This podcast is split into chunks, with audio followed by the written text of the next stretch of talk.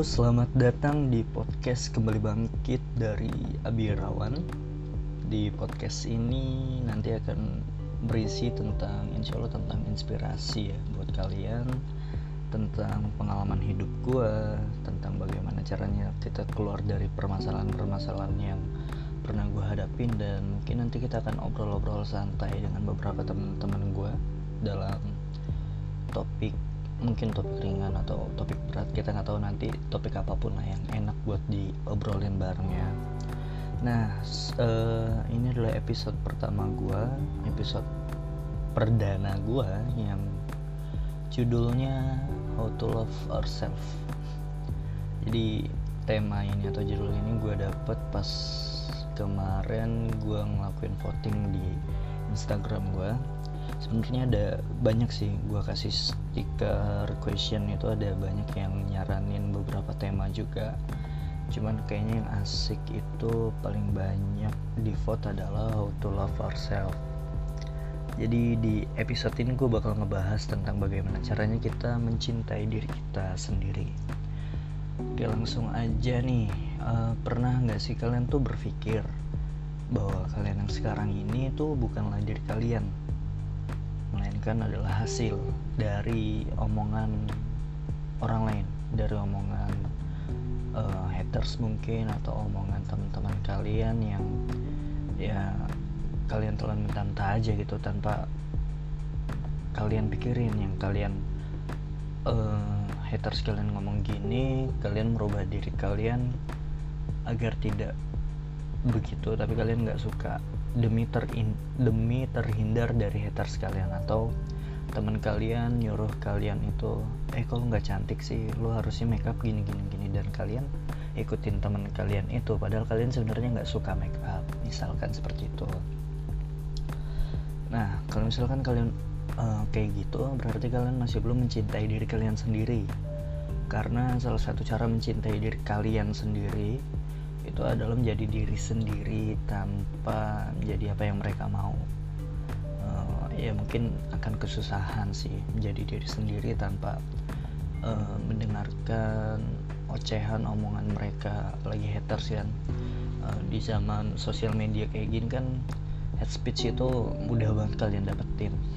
Nah jadi tanpa sadar mau nggak mau kalian akan berubah diri kalian agar terhindar dari ujaran kebencian mereka mungkin dan uh, menjadi apa yang teman kalian mau agar kalian tidak keluar dari geng mereka mungkin. Nah tapi sadar gak kalau misalkan kalian terus-terusan ikutin kemauan mereka kayak gitu mereka malah mereka malah semakin melunjak. Nah kalian bakal semakin sengsara karena kalian selalu mengubah diri kalian dengan arah yang mereka arahkan gitu. Yang bahkan sebenarnya kalian tuh nggak mau jadi seperti itu. Kalau misalkan itu merubah kalian jadi lebih baik sih masih oke. Okay. tapi kalau misalkan udah ke arah yang tidak baik dan kalian nggak suka nah itu nanti bakalan jadi alasan kalian merasa tidak nyaman di ke depannya. Nah ayo mulai sekarang nih kita harus belajar mencintai diri kita sendiri cara mencintai diri sendiri. Itu sebenarnya ada banyak. Um, salah satunya yang tadi yaitu menjadi diri sendiri. Menjadi sen menjadi diri sendiri itu adalah tentang bagaimana kalian mengerti diri kalian sendiri. Mengerti apa yang kalian butuhkan apa yang kalian tidak butuhkan. Mengerti apa yang kalian ingin apa yang kalian gak ingin. Mengerti apa yang baik buat kalian apa yang tidak baik untuk kalian dan yang pasti memilih jalan hidup seperti apa yang kalian inginkan dan yang terpenting adalah jalan hidup yang kalian pilih itu tidak membuat kalian menyesal ke depannya tapi pastikan juga jalan hidup yang kalian pilih itu baik sesuai hukum agama, sesuai hukum negara dan sesuai hak asasi manusia. Nah, yang paling awal banget sebelum kalian ngelakuin uh, poin-poin yang akan gue sebutin ini adalah kalian harus bisa mengerti diri kalian sendiri. Kalian harus belajar uh, mencari tahu kalian itu seperti apa. Uh, potensi kalian itu apa di mana dan lain sebagainya. Ketika kalian udah mengerti diri kalian nih misalnya oh gue orangnya supel. Oh gue orangnya suka bergaul gue tuh ekstrovert dan yang gue butuhin itu adalah bersosial. Di mana banyak teman-teman yang asik yang bisa ngebuat gue nyaman yang bisa ngebuat gue enak dengan suasananya. Ataupun uh, dalam sosial itu misalkan boring gue tuh orangnya bisa bikin suasananya itu menjadi meriah atau menjadi hidup. Nah gue juga orangnya tuh nggak suka sama orang menafik apalagi pembohong uh, gue tuh orangnya nggak pedulian sama haters. Haters mau ngomong apa juga bodo amat. It's my life bro.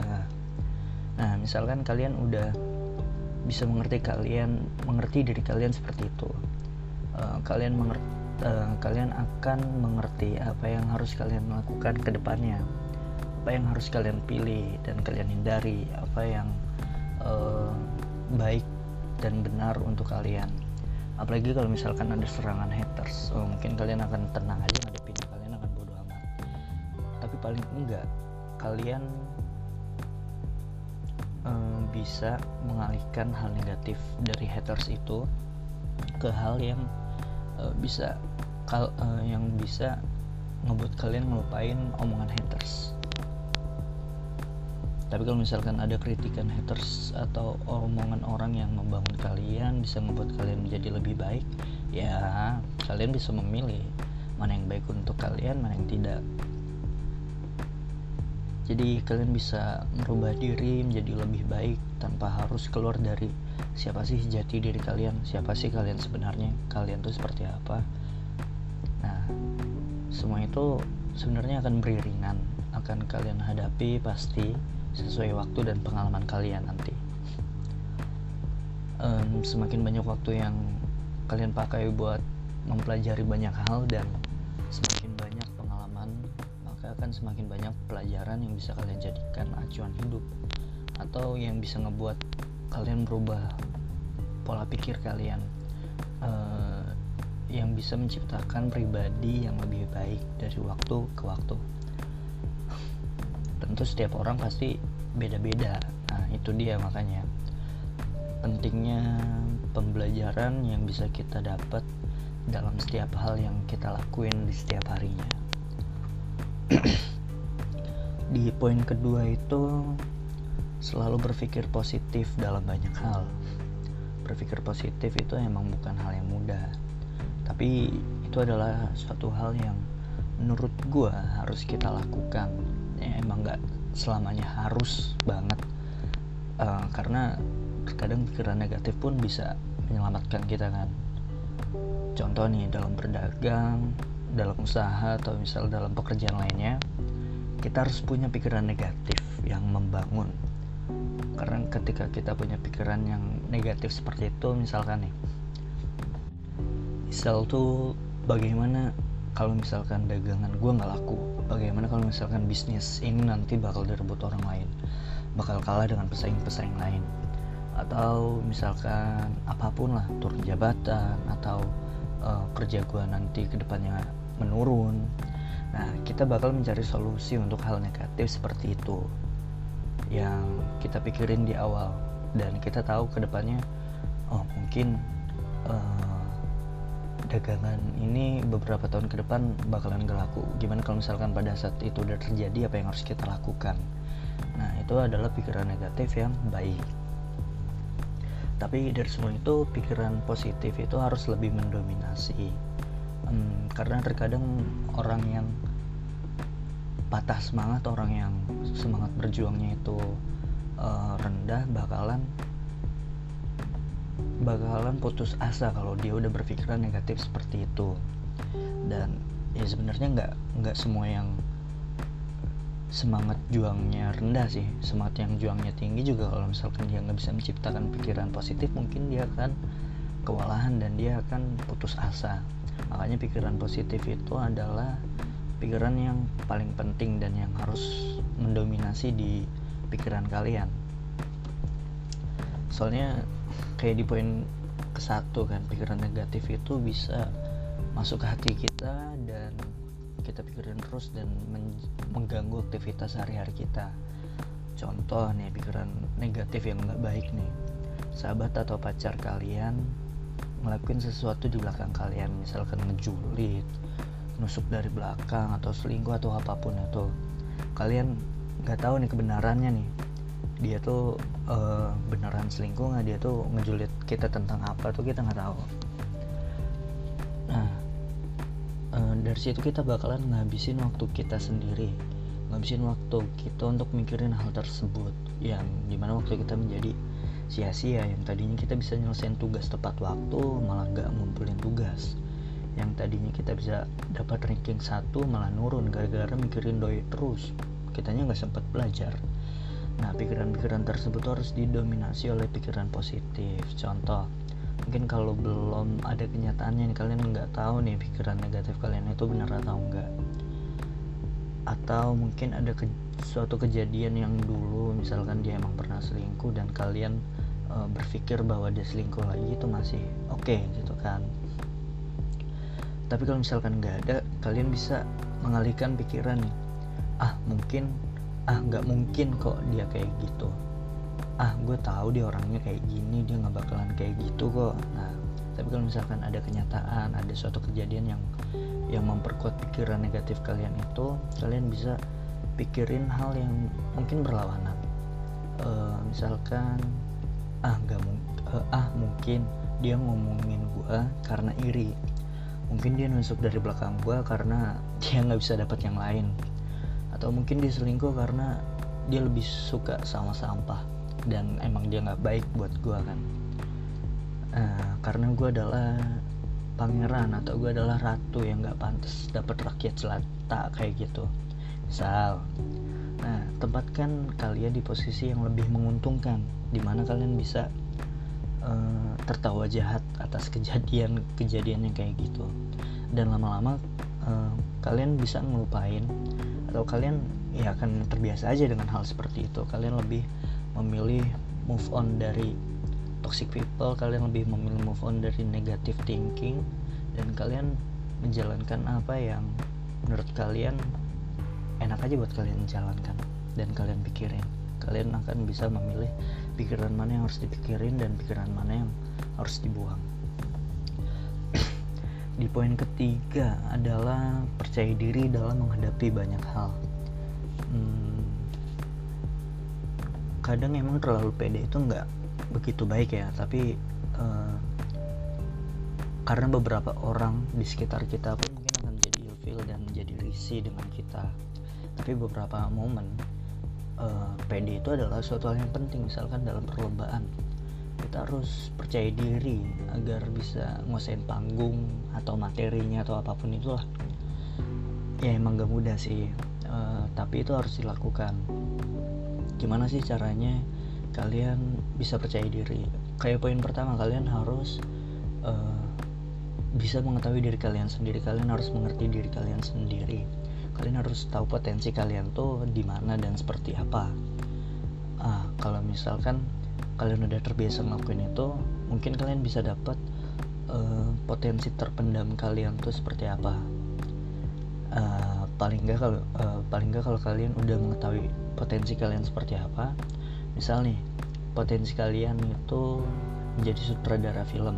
Kalian akan pede uh, untuk membuat film itu menjadi hidup untuk menjadi sutradara film untuk membuat naskah menjadi suatu visual yang bagus.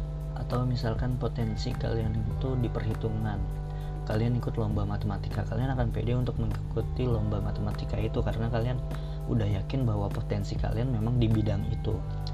Uh, emang nggak semua ada emang nggak dalam semua aspek bidang kalian bisa pede bisa mempunyai potensinya ya makanya jangan kalau misalkan kalian itu potensinya di sutradara film kalian malah ikut lomba MTK kalian ikut lomba fisika. Tapi kalau misalkan emang punya potensinya juga di situ ya nggak apa-apa. Tapi kalau misalkan nggak punya wah kalian terlalu pede sih. Parah itu mah pede banget. Jadi kalian harus bisa ngerti potensi kalian tuh di mana. Dan di situlah kalian akan uh, memiliki rasa percaya diri kalian. Habis itu keempat membawa diri dalam lingkup orang-orang positif dan cocok dengan kita agar kita mendapatkan toxic positivity. Nah toxic positivity itu uh, adalah toxic yang membawa hal positif. Hampir sama dengan ya sebenarnya sama sih dengan toxic. Bedanya dia membawa positif hal positif kalau toxic toxic people yang biasanya kan ngebawa hal negatif. Uh, beberapa ciri toxic itu kan penghasut habis itu suka komentar. Nah dalam toxic positivity toxic positivity ini mereka menghasut dan mengomentari kalian agar menjadi lebih pede atau uh, kalian menjadi lebih baik nah kalau kalian bisa memposisikan diri kalian dalam lingkup orang yang seperti itu maka maka kehidupan yang akan kalian dapatkan ke depannya uh, akan lebih baik. Karena banyak orang di sekitar kalian yang mendukung kalian uh, yang ngebuat kalian itu menjadi lebih baik yang selalu mendukung untuk uh, kalian terus maju gitu kan. Nah selain itu manusia itu sebenarnya dinilai berdasarkan teman-temannya. Karena pada dasarnya kita berteman hanya pada siapa pun yang cocok dengan kita kan? Yang tanpa kita sadar bahwa kita memilih teman yang mencerminkan diri kita. Nah kalau teman atau lingkungan kalian baik maka diri kalian akan menjadi baik. Dan ke depannya pun kalian akan menjalaninya dengan enak aja gitu kan tanpa harus makan batin sendiri nah kalau kalian berada di lingkungan yang salah misal toxic people yang emang toxic negatif yang suka ngomongin orang ngejulit atau apa pun itulah yang berbau negatif ke depannya kalian pasti akan merasakan hal serupa. Paling enggak uh, misalkan kalian berteman dengan orang yang suka ngomongin orang lain. Nah di saat kalian gak ada atau topik yang dibahas sudah habis mungkin kalian yang akan menjadi topik pembahasan mereka mending kalau misalkan yang bagus-bagus kalau yang jelek-jelek kan gak enak juga. Ya paling minimal nih orang yang seperti itu nggak akan bisa mendukung kalian menjadi lebih baik lagi ke depannya. Dan pertemanan kalian akan menjadi sia-sia. Ya bakal gitu-gitu aja tidak menjadi lebih baik. Poin kelima itu memenuhi kebutuhan diri sendiri sebelum orang lain.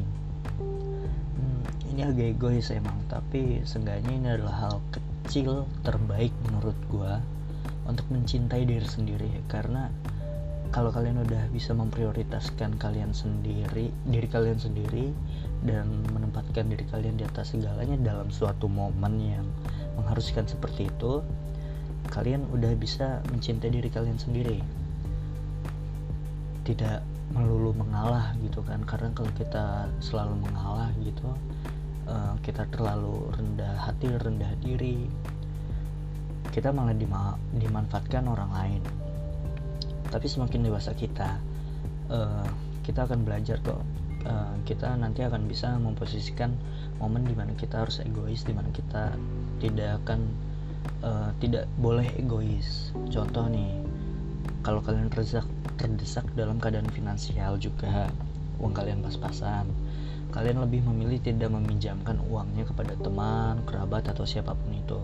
Tapi kecuali orang tua ya, karena orang tua itu harus lebih tinggi dari kita. Kita harus berani berkorban untuk orang tua kita karena nanti ke depannya kita pasti akan bahagia kok dari Tuhan. Itu jaminan dari Tuhan. Nah uh, kalau ke yang lain kita harus bisa memilih diri kita sendiri seperti yang tadi itu. Atau suatu hal yang kita nggak boleh egois adalah ketika berpendapat yang kita nggak mau uh, orang lain berpendapat. Pendapat kita harus nomor satu. Apa yang kita lakukan harus selalu benar. Nah itu jatuhnya malah egois banget kayak gitu. Jadi kalian harus mulai belajar kapan harus egois kapan nggak boleh egois. Di poin keenam itu berani memaafkan atau meminta maaf Nah, ketika kita berani memaafkan, sebenarnya tuh kita sedang menginvestasi maaf dari orang lain. Ketika kita minta maaf lagi nanti, kalau kita ada salah, kalau kita ada, kalau kita me, kalau ada yang meminta maaf ke kita, dan kita maafkan dengan ikhlas maka ke depannya kita akan mendapatkan banyak maaf dari orang-orang yang mungkin pernah kita maafin atau uh, balasan dari Tuhan karena kita sering memaafkan. Ketika kita punya salah orang lain akan memaafkan kita. Selain itu bakal menghilangkan banyak kasus permusuhan juga ke depannya. Misal nih kalau kita memaafkan si A mungkin ke depannya dia uh, kalau kita tidak memaafkan si A mungkin ke depannya dia bakal dendam ke kita bakal ngelakuin sesuatu yang buruk ke kita bahkan mungkin sampai mengancam nyawa kita tapi kalau kita maafin dia kita bangun persahabatan ke dia ya hal buruk itu insya Allah nggak akan terjadi dan mungkin dia akan membantu kita dan uh, ke depannya ya akan enak aja gitu Nah, kita harus berani dan mau untuk minta maaf atau memaafkan. Karena ada sebuah kalimat bijak gitu kan. Hanya orang yang kuat yang berani minta maaf dan hanya orang yang memiliki hati yang luas yang mau memaafkan. Dari kalimat itu kita tinggal pilih. Mau jadi kuat dan memiliki hati yang luas atau menjadi pengecut dan hatinya sempit. Nah, kalau misalkan kalian pilih hati yang sempit, kalian menjadi pengecut, jangan deh berani coba-coba pacaran. Apalagi sampai nikah. Wah, rusak rusak relasi kalian di poin terakhir itu menjadi baik be kind be humble atau apa pun sejenisnya di poin terakhir ini bersama kayak poin sebelumnya di mana ada timbal baliknya. Uh, kalau kalian berbuat baik kepada orang lain orang lain akan memperlakukan kalian baik juga walaupun nggak semuanya. Uh, belum tentu kita berlaku baik ke orang lain orang lain akan baik juga ke kita. Paling enggak uh, orang yang baik ke kita itu akan lebih mendominasi daripada orang yang berlaku buruk ke kita dan kita itu menginvest kebaikan dari orang-orang lain. Kita membantu orang lain insya Allah orang lain itu akan membantu kita di saat keadaan kita terdesak. Hmm, karena uh, ke, ketika kita nih menjadi orang baik dan ada orang yang memperlakukan kita buruk itu adalah ujian. Kalau misalkan ada orang jahat dan diperlakukan jahat itu adalah timbal baliknya kalau misalkan orang baik diperlakukan baik orang jahat pun diperlakukan baik itu adalah rahmat bagi keduanya. Rahmat dari Tuhan untuk keduanya. Uh, nah menjadi baik di sini itu bukan berarti kita melulu baik ya tanpa kita pikirin uh, ke depannya gimana. Maksudnya ya kita nggak cari untung juga sih tapi setidaknya gimana caranya kita berlaku baik tapi tidak dimanfaatkan oleh orang lain ya itu mungkin nggak perlu nggak terlalu nggak perlu terlalu kita khawatirin juga sih ya. Soalnya kalau misalkan kita berlaku baik insya Allah pasti ke depannya akan baik. Walaupun nanti kita dima dimanfaatin orang insya Allah orang yang manfaatin kita itu akan dapat balasan buruk dari Tuhan kan. Dan ya itu adalah ujian kita. Insya Allah ke depannya akan menjadi lebih baik lagi. Nah kalau misalkan kalian e, berbuat baik kepada orang lain berarti kalian mencintai diri kalian sendiri kenapa karena kalian ingin orang lain memperlakukan kalian baik juga tuh Nah, dari semua poin di atas, yang paling penting untuk pertama kali itu adalah kalian harus bisa mengerti diri kalian sendiri. Kalian harus bisa tahu diri kalian sendiri. Nah, kalau misalkan kalian udah bisa mengerti itu, berarti kalian sudah bisa mencintai dan menghargai diri kalian sendiri. Paling enggak dari poin di atas minimal tuh ada harus ada empat yang kalian punya. Uh, yaitu poin 4 sampai ke 7 poin 4 membawa diri kalian di lingkup orang-orang positif dan cocok dengan kita biar kita tuh dapat toxic positivity. Yang kelima itu memenuhi kebutuhan diri sendiri sebelum orang lain. Yang keenam berani memaafkan atau meminta maaf. Yang ketujuh menjadi baik ke orang lain gitu kan. Nah uh, itu aja sih pembahasan di episode pertama ini tentang bagaimana cara kita mencintai diri sendiri. Karena kalau kalian dicari di Google pun banyak ya cara mencintai diri sendiri dan sebenarnya beda-beda. Ada orang yang suka make up cara mencintai diri dia yaitu menjadi cantik dengan make up itu. Ada orang yang uh, suka olahraga cara mencintai diri dia itu dengan berolahraga gitu kan. Ada orang yang suka makan. Ya banyak makan untuk mencintai diri dia sendiri gitu.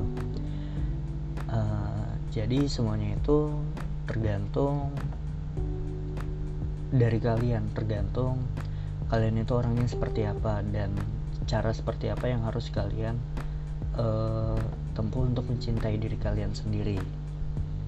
Oke, kita selesai untuk episode pertama ini. Terima kasih banyak buat kalian yang udah bersedia mendengarkan ocehan gue ini. Um, kalian boleh kok, boleh banget malah ngasih kritik dan saran ke akun Instagram gue di @abi.erawan at a b i y y i dot e r a p a n insya Allah gue kasih stiker question lagi buat kritik sarannya. Mungkin sekitar dua minggu sekali atau sebulan sekali lah tergantung nanti. Tapi kalau uh, kalau misalkan nggak ada stikernya kalian bisa langsung nge DM gue uh, kalau misalkan nggak dibaca-baca mungkin kalian bisa nge lagi dengan subjek kritik podcast gitu ya. Insya Allah gue baca dan gue bales nah untuk tema mingguannya insya Allah nanti gue kasih stiker ya stiker questionnya untuk cari tema apa yang kira-kira bagus dan nanti bakal gue kasih pilihan tema mana yang cocok buat di vote nah kalian bisa pantengin terus di IG gue uh, cukup sekian ya untuk episode kali ini. Terima kasih banyak sekali lagi nih buat kalian semangat puasanya uh, dan beribadah di bulan Ramadan ini. Tapi sayang ya suasananya kayak enak banget. Apalagi nanti kalau misalkan nggak ada sholat id aduh kangen opor nenek. Oke uh, semangat buat kalian yang menjalankan ibadah di bulan Ramadan ini. Uh, tetap sabar juga buat kalian semua uh, tetap di rumah aja sambil banyak-banyak berdoa agar pandemi ini segera berakhir. Amin. Uh, saya Abirawan mohon undur diri dari telinga kalian dan sampai jumpa di episode selanjutnya